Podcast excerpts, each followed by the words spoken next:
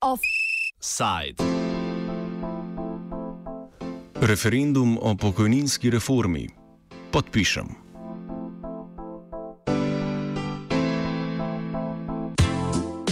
Trije hrvaški sindikati združeni v gibanju 60-7 je previše, oziroma 67 je preveč, katerega cilj je, da doseže razveljavitev zakona o pokojninskem zavarovanju, ki zvišuje starostno mejo za upokojitev na 67 leto, so zjutraj sporočili, da so v kampanji za razpis referenduma o pokojninski reformi zbrali 306 744 podpisov.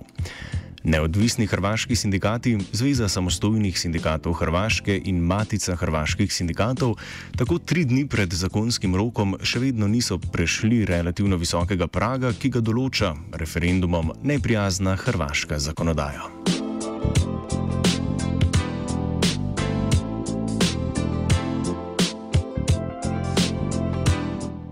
Na Hrvaškem ima pobudnik referenduma 15 dni časa, da zbere podpise desetine volilnega telesa oziroma 373 568 podpisov.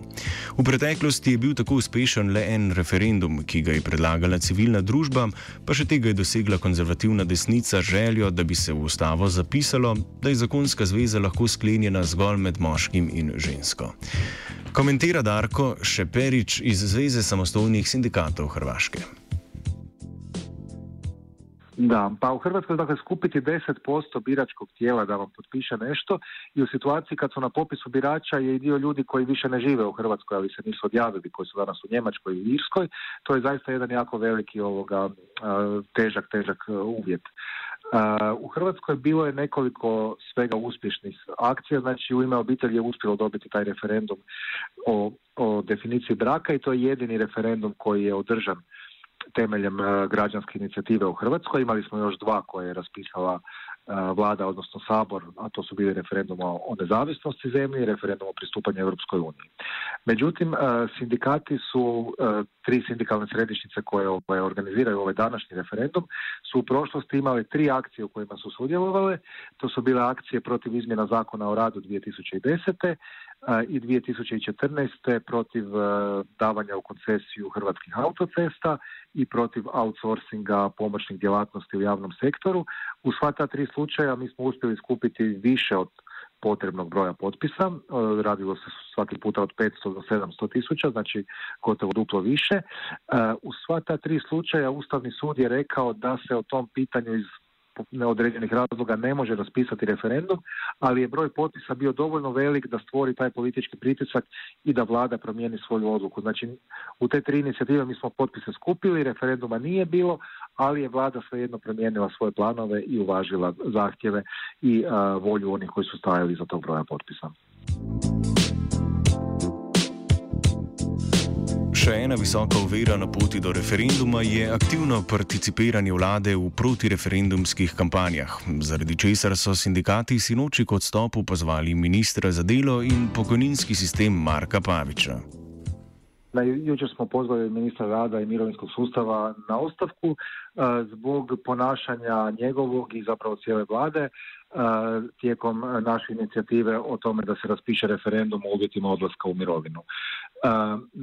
Naime, mi se sada nalazimo u zadnjoj fazi akcije prikupljanja potpisa kojim želimo inicirati referendum o dobi odlaska u mirovinu prije svega, odnosno o povratku uvjeta za odlazak u mirovinu na, na 65 godina, dakle da se odustane od podizanja te dobi na 67 godina.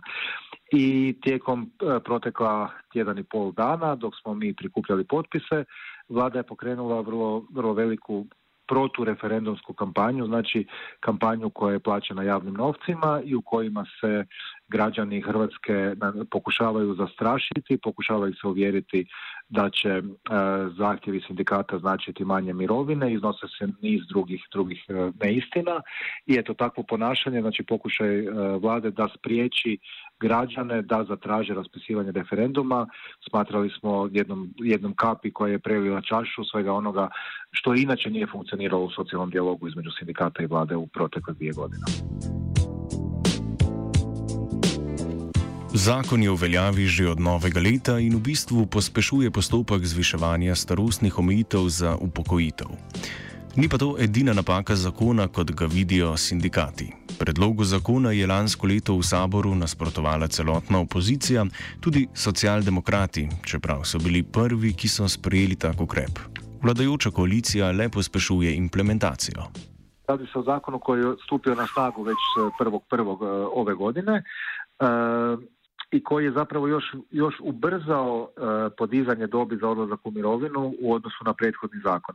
E, dob za odlazak u mirovinu je prvi put podignuta na 67 godina već prije nekih pet godina kada su bili socijaldemokrati na vlasti, samo su oni predvidjeli da se to dogodi negdje tamo 2038. godine. Sadašnji novi zakon je to pogurao još pet godina naprijed i to bi sada trebalo stupiti na snagu 2033. godine, što znači da bi po tom sadašnjem zakonu svi oni koji su mlađi od 53 godine trebali raditi do 67 godina e, starosti. To je ključni, nije jedina stvar koju mi ovim referendumom pokušavamo promijeniti, e, ali to je, to, to je najvažnije. Dotičemo se također i ovoga e, prijevremenih mirovina, želimo smanjiti tu takozvanu penalizaciju prijevremenih mirovina zato što velika većina ljudi koji idu ranije u mirovinu odlaze na to jer ih direktno poslodavci tjeraju ili potiču, a ne zato što je to, što je to njihov izbor.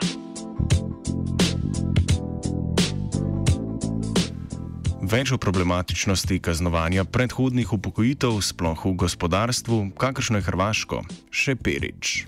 Postoje dakle, evropska istraživanja koja govore o tome da je u Hrvatskoj najveći broj umirovljenika koji u mirovinu odlaze protiv svoje volje. Dakle, ne zato što ne žele više raditi, zato što žele uživati u mirovini, nego zato jednostavno što ne mogu ostati aktivni na tržištu rada, što ne mogu tim godinama naći novi posao ili ih poslodavci nastoje poslati u mirovinu, nastoje ih se riješiti a, mnogi veliki poslodavci u Hrvatskoj i u privatnom i u javnom sektoru zapravo sustavno provode takvu politiku da se rješavaju starijih radnika, bilo zato što smanjuju broj radnika, bilo zato što žele jednostavno pomladiti svoje, svoje radnike i onda čim radnici steknu uvjet za prijevremenu mirovinu, odmah im nude nekakvu terminu poticajnu da odu u prijevremenu mirovinu. I u takvoj situaciji smatramo da je zaista nepravedno trajno kažnjavati te umirovljenike još većom umanjenjem. Danas po novom zakonu, znači sadašnjem ovoga prijevremene mirovine smanjuju se za 0,3% po svakom mjesecu ranijeg odlaska u mirovinu. U Hrvatskoj možete ići ovaj čas u prijevremenu mirovinu pet godina prije, znači kao, muškar, kao muškarac na 60 godina, ali će vam onda mirovina biti 18% e, manja. Mi tražimo da se ta penalizacija smanji na najviše 0,2% po mjesecu, odnosno na najviše onda to bi bilo ovoga 12%. Sindikati bi lahko teoretično poskušali zrušiti reformo, še preden je bila sprejeta a so se s takšnim manevrom opekli v začetku desetletja, ko je vlada preprosto spremenila predlog do te mere, da so bili vsi zbrani podpisi nični. Pa to je, to je rezultat našeg iskustva iz 2010. godine. Tada smo skupljali potpise protiv jednog prijedloga izmjena zakona o radu koji još nije bio usvojen. On se nalazio tada u proceduri. I onda dok smo mi skupljali potpise, vlada je malo promijenila taj svoj prijedlog.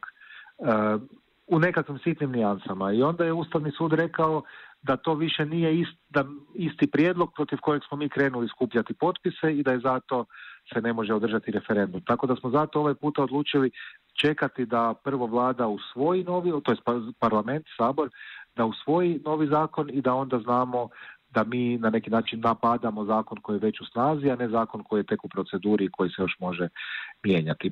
Iz istog e, razloga smo mi referendumsko pitanje napisali u formi zakona o izmjenama zakona. Tako da referendumsko pitanje e, počinje riječima jeste li za to da se donese sljedeći zakon koji glasi članak 1, članak 2 i tako dalje. Tako da ukoliko bi došlo do referenduma i ako građani na referendumu podrže ovaj prijedlog, rezultat bi bio da su građani direktno referendumom izmijenili zakon i onda parlament to može samo konstatirati. Znači nije općenito pitanje u koje bi onda dalo naredbu parlamentu da nešto napravi, nego, nego je prilika zapravo da građani direktno svojim glasanjem donesu.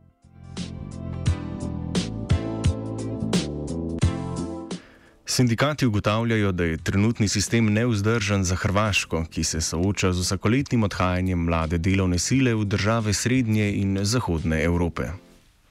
Pa znači za, mislim, za budućnost i za sadašnjost hrvatskog mirovinskog sustava ključne stvari jesu to da nemamo dovoljno radnih mjesta, da su nam plaće premale, da, i da nam se smanjuje radno aktivno stanovništvo zbog, zbog iseljavanja.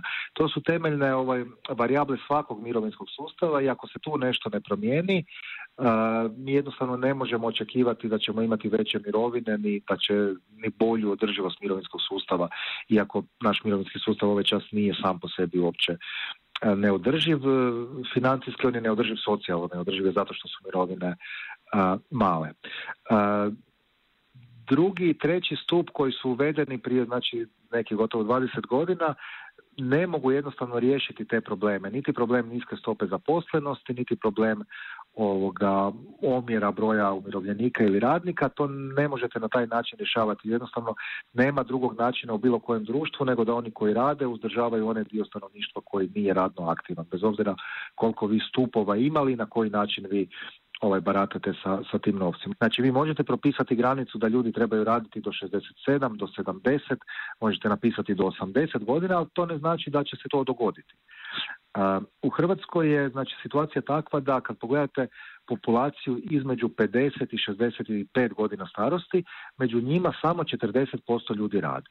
Znači od pet ljudi starijih od 50 godina samo dvojica rade, trojica ne rade. Naš e, prioritet treba biti kako da mi te ljude između 50 i 65 godina radno aktiviramo i da njih zadržimo u svijetu rada, a ne da očekujemo da će neko raditi do 67. Znači idemo prvo osigurati da ovi koje sada imamo, koji su sada u tom godinama kojima bi trebali raditi, da oni stvarno i rade, a onda nakon toga kad dođe vrijeme, kad se očekivano trajanje života produži i tako dalje, onda možda možemo jednog dana razgovarati o ovim, o ovim stvarima. Skupno izjavo v podporo gibanju 67 je preveč so na tradicionalnem srečanju, imenovanem Sindikati brez meja, podpisali tudi predstavniki Zveze svobodnih sindikatov Slovenije konec aprila.